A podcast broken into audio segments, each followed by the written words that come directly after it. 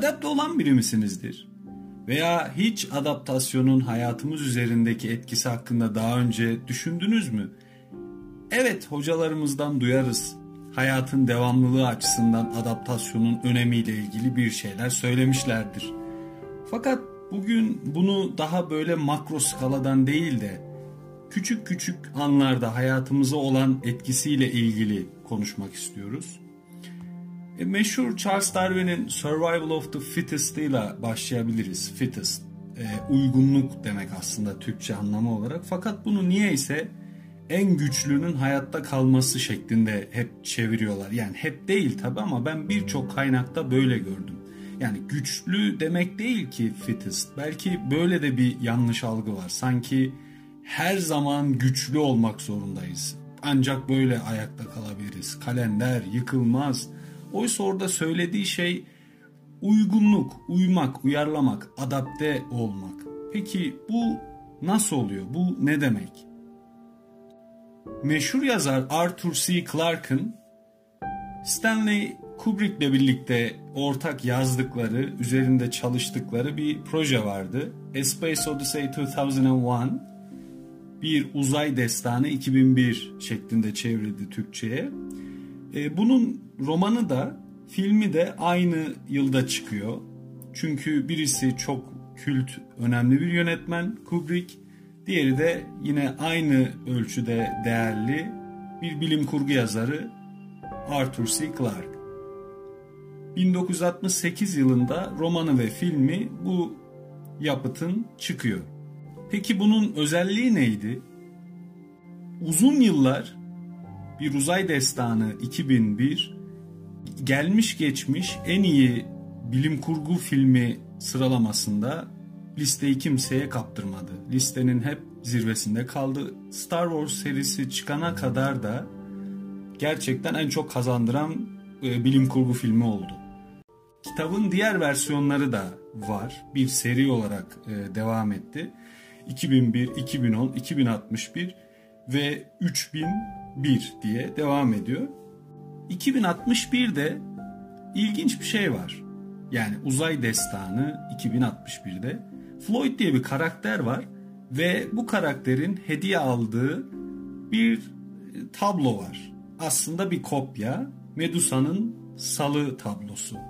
Hatırlıyorsanız Medusa'nın salı tablosunu üzerinde detaylıca konuşmuştuk. Bu tabloyu tabii kopya olarak alması da ilginç bir şekilde bize bir şeyler işaret ediyor gibi. Yani tablonun orijinalini de aldırabilir. Sonuçta bir hikaye bu. Ama Medusa'nın salı tablosunun bir kopyasını hediye olarak bu Floyd karakteri bir uzay destanı 2061'de alıyor. Peki bu ne demekti? Aslında her şeyin bir yine metin olduğu gerçeğini bize e, bir kez daha bir kez daha hatırlatan bir durum. Yani orada evet gerçekten Jericho bu resmi çizmeden önce o iki kişi Argus gemisiyle Medusa'nın salından kurtarıldı. Bundan önce Medusa gemisi bir kere batmaya başladı. Bu iki kişi kurtarıldıktan sonra bir şeyler yazdılar anılarıyla ilgili ve Jericho bunu okudu, onları mülakata aldı ve daha sonra da bunun bir harika bir resmini yaptı. Ve bu resim daha sonra birçok farklı sanat dalında da varlığını sürdürdü. Ve burada da yine aynı şekilde varlığını sürdürüyor. Fakat Jericho burada bu resmin hatırlıyorsanız resimde büyük bir enerji vardı. Tam o kurtarılma anından iki saat önceki o an. Yani bir karışıklık oluyor ve Argus gemisi bunları görmeden gittiği o an. Ama bunun yanı sıra o vahşeti, onların aç bırakılmasını vesaire de resmedebilirdi ya ve bunu resmetmeyi tercih etmedi. O bilgiyi aldı, aktardı ve o bilgiyi kendini değiştirerek e, tabii ki burada Arthur C. Clarke'ın e, inisiyatifinde kendisini değiştirerek bu şekilde varlığını sürdürdü. Çünkü bir bilim kurgu hikayesinde insanların farklı beklentileri var. Bir bilim kurgu hikayesinin belli e, dinamikleri vardır. Hemen hemen her türün kendine has dinamikleri vardır ve bu dinamikleri biraz yavaşlatacak bir noktaya getirebilirdi. Yani klasik olarak alsa bunu Arthur C. Clarke işte sanki bir günlük gibi oraya yazsa anlatmaya başlasa işte Medusa'nın salı böyleydi şöyleydi. Hayır o bir kopya olarak orada onu var etti ki taşıdığı önemli olan bunun metin anlamı. Gerçekten aslında tablonun aslı da bu metin anlamını taşıyordu ya o insanların başına gelen o hadiseyi aslında nesilden nesile aktarıyordu. Güzel bir kısım bizim önceki bölümlerle olan bağlantımızı kurması açısından güzel olacağını fark ettiğim için söyledim biraz da. Fakat bizi daha çok ilgilendiren şey tekrardan Kubrick'in filmi çektiği Bir Uzay Destanı 2001 e, filmi. Çünkü bu filmde bir e, monolit var. Aynı zamanda bu e, monolitin öneminden de biraz bahsetmemiz gerekecek. Ondan önce de tekrardan kitabının da filminin de 1968'de çıktığını bir hatırlatalım. Çünkü ben bunu ilk kez e, bir çocukken izlediğimde 2001 yazdığı için film sanki 2001 yılında çevrildi zannetmiştim. Çünkü o kadar güzel görünüyor. Yıllar sonra filmle ilgili kültürümü genişletmeye başladığımda işte yönetmeni kimdir, nasıl çekildin, hangi kaç e, milimetre kullandılar. Bu, bu zamandan sonra fark ettim evet 68 filmiymiş. Harika çağın ötesinde gerçekten. Fakat bunu nasıl başardılar? Şimdi burada iki tane aslında adaptasyonla ilgili önemli nokta söyleyebilirim. Bunlardan biri estetik nedenler, kaygılar, diğeri de pratik nedenler ve kaygılar. E, kitapta bir yolculuktan bahsediyor. Filmde de bu yolculuk aynen e, var. Fakat e, biraz sanki vardıkları o durak değişiyor. Çünkü kitapta Satürn gezegenine doğru bir yolculuktan bahsedilirken filmde Jüpiter olarak bu gezegen değiştiriliyor. Aslında filmin görüntü yönetmeni e, yapan kişi ve Kubrick'e diyor ki işte bunu böyle yapalım. Ve tabi Stanley Kubrick 68'de de çok kendisini ispat etmiş önemli bir yönetmendi. Fakat yine de görüntü yönetmenini dinliyor. Çünkü diyor ki görüntü yönetmeni Satürn'ün halkalarını hani o Satürn gezegeninin halkaları var ya dışında. Bu halkaları nasıl yapacağınızı ben bilemedim diyor yönetmenine. Çünkü düşünün yıl 1968 yani bir bilgisayar efektiyle bunu yapmıyorlar. Tamamen modelliyorlar bu parçaları ve ona göre kamerayla ölçekleyip çekiyorlar. Dolayısıyla Satürn'ün halkaları gerçekçi olmayacağı için Jüpiter'i yapalım diye söylüyor. Ve Kubrick de bunu kabul ediyor. Bu yüzden de e, burada bir aslında fedakarlık söz konusu ve bu fedakarlık bizim için e, bizim hayatımızdaki bu adaptasyon konusunda da çok önemli olacak. Bunu unutmamanızı istiyorum. Diğer bir konuysa estetik nedenler. Hatırlıyorsanız monolit demiştim. Monolit nedir? Yekpare bir taş değil mi? Bir özelliği olmayan öylesine bir taş. Hikayede bu monolit çok önemli bir yere sahip. Çünkü e, uplift diye bir olay var. İngilizce yükseltme gibi e, bir şey deniyor. Yükseltme e, yani bir türü geliştirme gibi. Mesela çok güzel bir strateji oyunu var. Stellaris diye.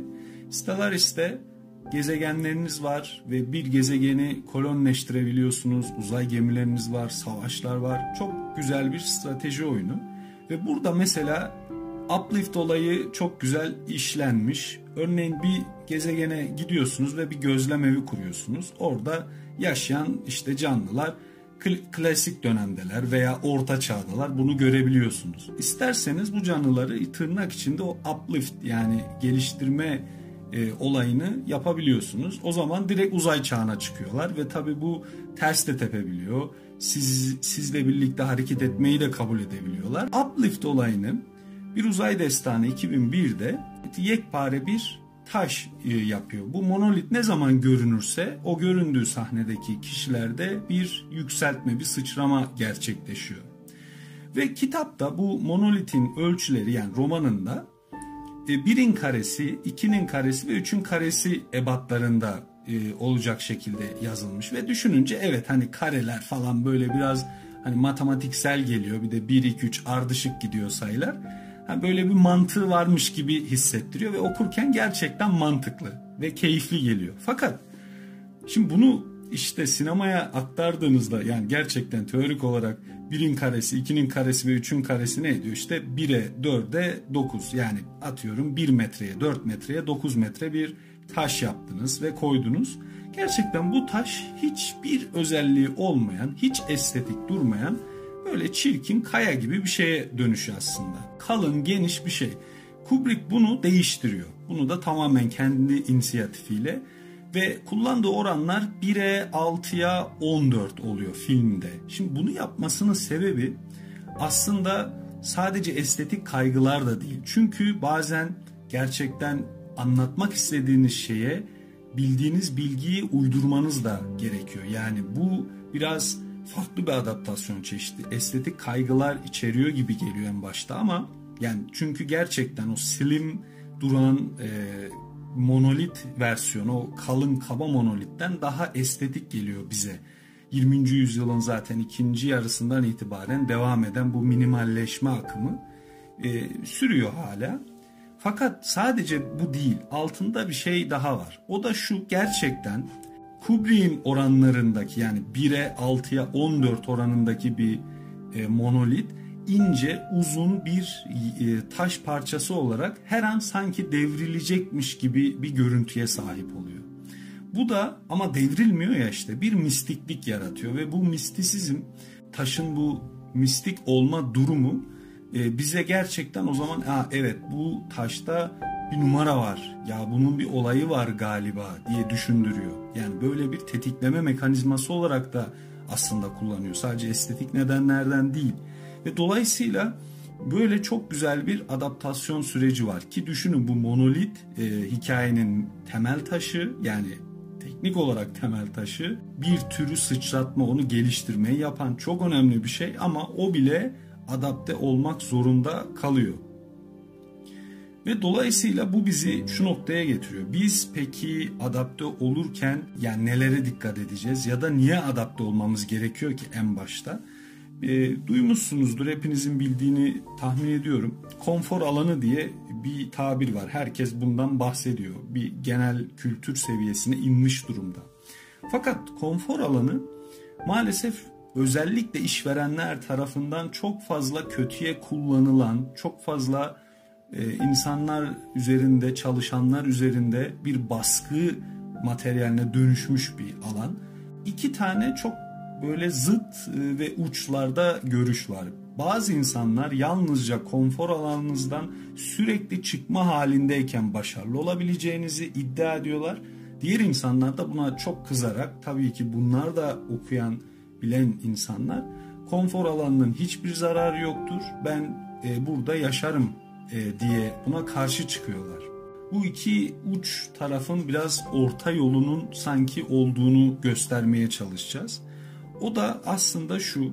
Bir kere konfor alanını önce bir e, tanımak lazım. Neydi konfor alanı? İşte alıştığınız düzeni koruyarak riskten kaçındığınız, kendinizi güvende hissettiğiniz yani öyle ki örneğin televizyonu izlediğiniz e, koltuğunuzu düşünün. O koltuğun bile her gün tamı tamına aynı yerine oturduğunuz bir e, yaşama hali, bir düşünce yapısı oluyor. Ve burada bulunduğunuz süre zarfı içerisinde yani gidip dışarıda kendimi geliştireyim, yeni bir şey yapayım istemlerinde bulunmadığınız e, iddia ediliyor ve bu bir nevi doğru. Fakat bu biraz da tabi adaptasyonu bıraktığımız bir noktada oluyor. Ve daha sonra genel kabulde konfor alanının dışında işte korku alanı, öğrenme alanı ve gelişim alanı diye birbirini kapsayan dört tane alan olduğu e, tasvir ediliyor ve bu alanın yani konfor alanının siz konfor alanından çıkıp işte öğrenme alanına geldikçe onu başarıp gelişim alanına geçtikçe konfor alanınızı sürekli durmaksızın genişlettiğinizi söyleyen bir genel anlatı var. Fakat bu aslında doğru değil. Konfor alanını sürekli genişletmeniz aslında çok mümkün değil. Bizim zaten bugün dikkat çekeceğimiz nokta tam olarak bu olacak. Çünkü adaptasyonun temellerinde aslında şöyle bir şey de var ya.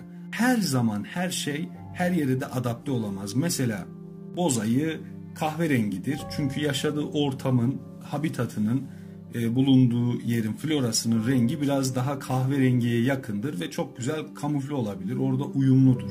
Veya e, kutuplara gidildiğinde e, beyazladığı için çevre ne olur? Kutup ayısı dediğimiz e, canlı daha beyazdır.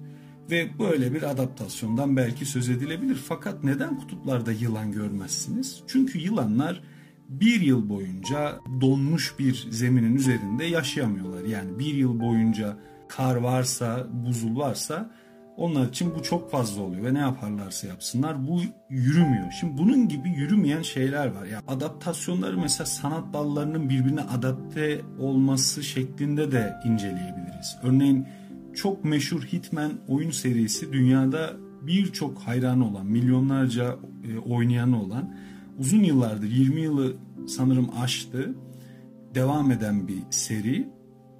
Fakat bu serinin filmleri bir türlü güzel olmadı, tutmadı. Mesela bir tane İstanbul'da geçen bir film var. Sırf İstanbul'da geçtiği için bile izleyebilirsiniz. Çünkü şehirleri de aslında adapte ediyorlar filmlere. Mesela Jackie Chan'in Altın Yumruk İstanbul'da diye yanlış hatırlamıyorsam bir filmi vardı ve o filmde çok daha güzel bir İstanbul görüntüsü var. Örneğin İstanbul'da geçen Hitman filminde işte tam olarak bu güzel İstanbul'u biraz daha görebiliyorsunuz. O yüzden bile izlemenizi tavsiye ederim ama İstanbul'u ben sevmedim. Yani bu tabii ki benim görüşüm ama film Hitman oyun serisini iyi bir adaptasyonu mu? Kesinlikle değil. Çünkü Hitman oyun serisindeki konular biraz postmodernist konular. Çünkü işin içerisinde posthumanizm var. işin içerisinde klon insan var ve biraz bilim kurgu var. Şimdi bu üç temel ayağı da budamışlar. Ne bilim kurgu görüyorsunuz, ne klonlama görüyorsunuz, ne posthumanizm görüyorsunuz. Bunların hiçbirisi yok. Bunların hiçbirisinin olmadığı bir e, Hitman e, serisi ne, ne kadar Hitman serisi olabilirse işte filmlerde o kadar olup e, sevenlerinden ona göre e, oylar alıyor. Fakat mesela bir başka seri Witcher serisi mesela bu da diziye adapte oldu. Netflix dizisi oldu. E, bu güzel oldu mesela. Neden? Çünkü Witcher serisi daha çok böyle oynanışa vesaireye değil de daha hikayeye odaklı bir e, seri. Örneğin muadili diyebileceğimiz örneğin Elder Scrolls serisinin 5. oyunu Skyrim'de e, bir sürü yapabileceğiniz değişik aksiyonlar var. Bunlardan simya diye bir dal var. Oyunun belki %10'unu bile oluşturmuyor. Oradan buradan bitki toplayıp karışımlar hazırlayabildiğiniz, bu karışımları e, kendiniz tüketebiliyorsunuz, kılıçlarınıza sürebiliyorsunuz. E, bu oyunun toplamda %10'u bile değil belki ve Witcher oyun serisi bunu alıyor ve tamamen bu 10 bile olmayan Skyrim'deki simya olayını bütün oyununa yayıyor ve bütün e, Witcher oyunu bunun üzerine kurulu oluyor. Dolayısıyla oyunda çok böyle farklı şeyler yapamıyorsunuz. Belli bir süre sonra sıkmaya başlıyor. Fakat hikayesi çok çok güzel. Ana karakterlerin hikayeleri gibi yan karakterlerin hikayelerine de çok uğraşmışlar ve sizi bir şekilde kendine bağlıyor. Güzel hikayeler var. Dolayısıyla ana konu hikaye olduğu için Witcher'de hikayeyi de güzel bir şekilde adapte edip güzel bir adaptasyon dizisi yaptılar. Benzer şekilde Yüzüklerin Efendisi çok çok kült bir e, roman serisi ve öyle ki modern anlamda bizim fantazya dediğimiz bir türü aslında yarattı. Bir türün öncüsüydü ve bunun da filmi çok güzel oldu. Neden? Çünkü tema önemliydi burada da. Gerçekten o ve o temayı çok güzel yansıttılar beyaz e, perdeye. Benzer şekilde Harry Potter'ın roman serisindeki o sanki e, hiç bitmeyen bir cadılar bayramı havası, o kulesinin tepesinde yaşayan işte uzun burnunda bir tane e, be, kocaman ben olan cadı gibi bir evren vardır ya. Ve Harry Potter serisi de biraz sanki bu evreni e, temsil eden bir yapıttı ve bunu da bu temayı da çok güzel bir şekilde yansıttıkları için o da e, tuttu. Dolayısıyla burada da tutanların yanı sıra tutmayan e, serileri de e, iyi bilmek gerekiyor. Yani burada aslında bahsetmek istediğimiz şey, dikkat etmek istediğimiz şey kimya. Biraz işin kimyasını koruduğunuz sürece adaptasyon mümkün. İşin kimyasını koruyamadığınız sürece ise adapte olmanızın pek de bir anlamı da kalmıyor. O yüzden kendinize sormanız gereken soru aslında en temelde bu oluyor. Adapte olmaya değer mi ya da gerçekten adaptasyonu başarabilecek düzeyde bir şey yapabilecek miyim, yapamayacak mıyım? Bunu iyi belirlemek gerekiyor. E tabi bunun dışında da tekrardan konfor alanına dönecek olursak şimdi konfor alanını teşbihte hata olmaz diyerek yine madem bu kadar çok oyunlardan vesaire bahsettik o zaman yine bir oyuna benzetebiliriz ve bir hayatta kalma oyunumuz olsun. Değil mi? O evin konfor alanında o kurduğumuz güvenli eve benzetelim. Bu evin içerisinde durduğumuz sürece bize hiçbir düşman, yaratık gelip zarar veremeyecek. Fakat biz de dışarı çıkıp maden toplayamayacağız, yeni teknolojiler bulamayacağız, hikayeyi ilerletemeyeceğiz ve o olduğumuz yerde saymaya devam edeceğiz. Şimdi bir de şöyle düşünün. Sizin bu eviniz gibi birçok farklı evler var ve bu evlerde yaşayan size benzeyen diğer komşularınız var ve fakat bunların bazıları ilerlemeye devam ediyorlar. Yani bu zamanda ne oluyor? Siz yerinizde saymış olmuyorsunuz sadece sürekli geriye de gitmiş oluyorsunuz. İlerleme kaydedebilmek için zaman zaman konfor alanından çıkmanız gerekebiliyor. Bu da hemen ne oluyor? Bir korku alanına sizi atıyor. Çünkü artık yabancı bir ortamdaymışsınız gibi geliyor. Alış, alışık olmadığınız bir şeyleri yapmanız belki gerekebiliyor. Fakat bir kez zorluklar zor gelmemeye başladığı zaman öğrenme alanına girmiş oluyorsunuz. Çünkü konfor alanındayken en ufak bir şeyi bile öğrenmek istemezsiniz. Yani en ufak en basit bir şeyi bile öğrenmek yerine bir başkasına belki yaptırıp o işi çözmek isteyeceksinizdir. Ve bu sizi sürekli geri götürüyordur. Çünkü onu yapan kişi sizi bir adım bir adım bir adım hep e, geride bırakmış oluyor. Dolayısıyla zorlukların zor gelmediği yani evet şimdi bana bir zorluk öğrenmem gereken üstesinden gelmem gereken şu an bir şeyle karşılaşabilir mi bir şekilde bizim kabul ettiğimiz an öğrenme alanına biz girmiş oluyoruz ve öğrenme alanında bu şekilde gelişim alanına doğru kendimize bir yol açıyoruz. Çünkü öğrenme alanında bir kez başarıya ulaştıktan sonra işte kendimizi o geliştirdiğimiz, hedeflerimize ulaştığımız gelişim alanına varmış olacağız. Fakat bunu işte şöyle anlatıyorlar. Siz öğrenme alanınızı genişlettikçe konfor alanınız da genişliyor ve sürekli bu şekilde genişleyip bütün bu alanları yutan bir konfor alanı e, yaratıyorsunuz diye bir anlatı var. Bu anlatı aslında doğru değil. Çünkü konfor alanı sürekli genişlemiyor. Sürekli genişlediği bir yanılgı. Çünkü bir hayatta kalma oyununa benzettiğimiz zaman kimsenin size saldırmadığı küçük evinizi genişletebiliyorsunuz. Maden toplayıp işte e, duvar yapıp bu evin ne kadar büyütebilirsiniz? Yani bütün oyun alanını kapsayacak kadar bir ev yapmanız ne kadar sürer? Bunu yapmanız mümkün olur mu? Çünkü siz yürüdükçe oyun dünyası da oluşmaya devam etsin. Teşbihde hata olmaz demişler. Biz ancak konfor alanından çıktığımız noktada kendimizi geliştirebiliyoruz. Bu doğru. Konfor alanı sığındığımız ev olarak kaldığı için biz bu alandan çıktık ve belli bir süre bir nokta bir yerlere gittik ve belli mil taşlarını aştık.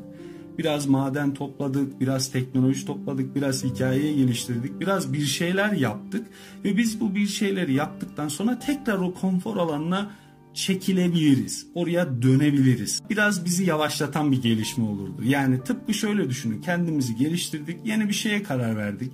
Örneğin bir kursa yazıldık, bunu başardık, çok güzel aldık, ettik ve fakat iki ay sonra tamamen eski halimize geri döndük ve eski halimizde yaşamaya devam ettik. Şimdi bunu değiştirmemiz tabii ki mümkün.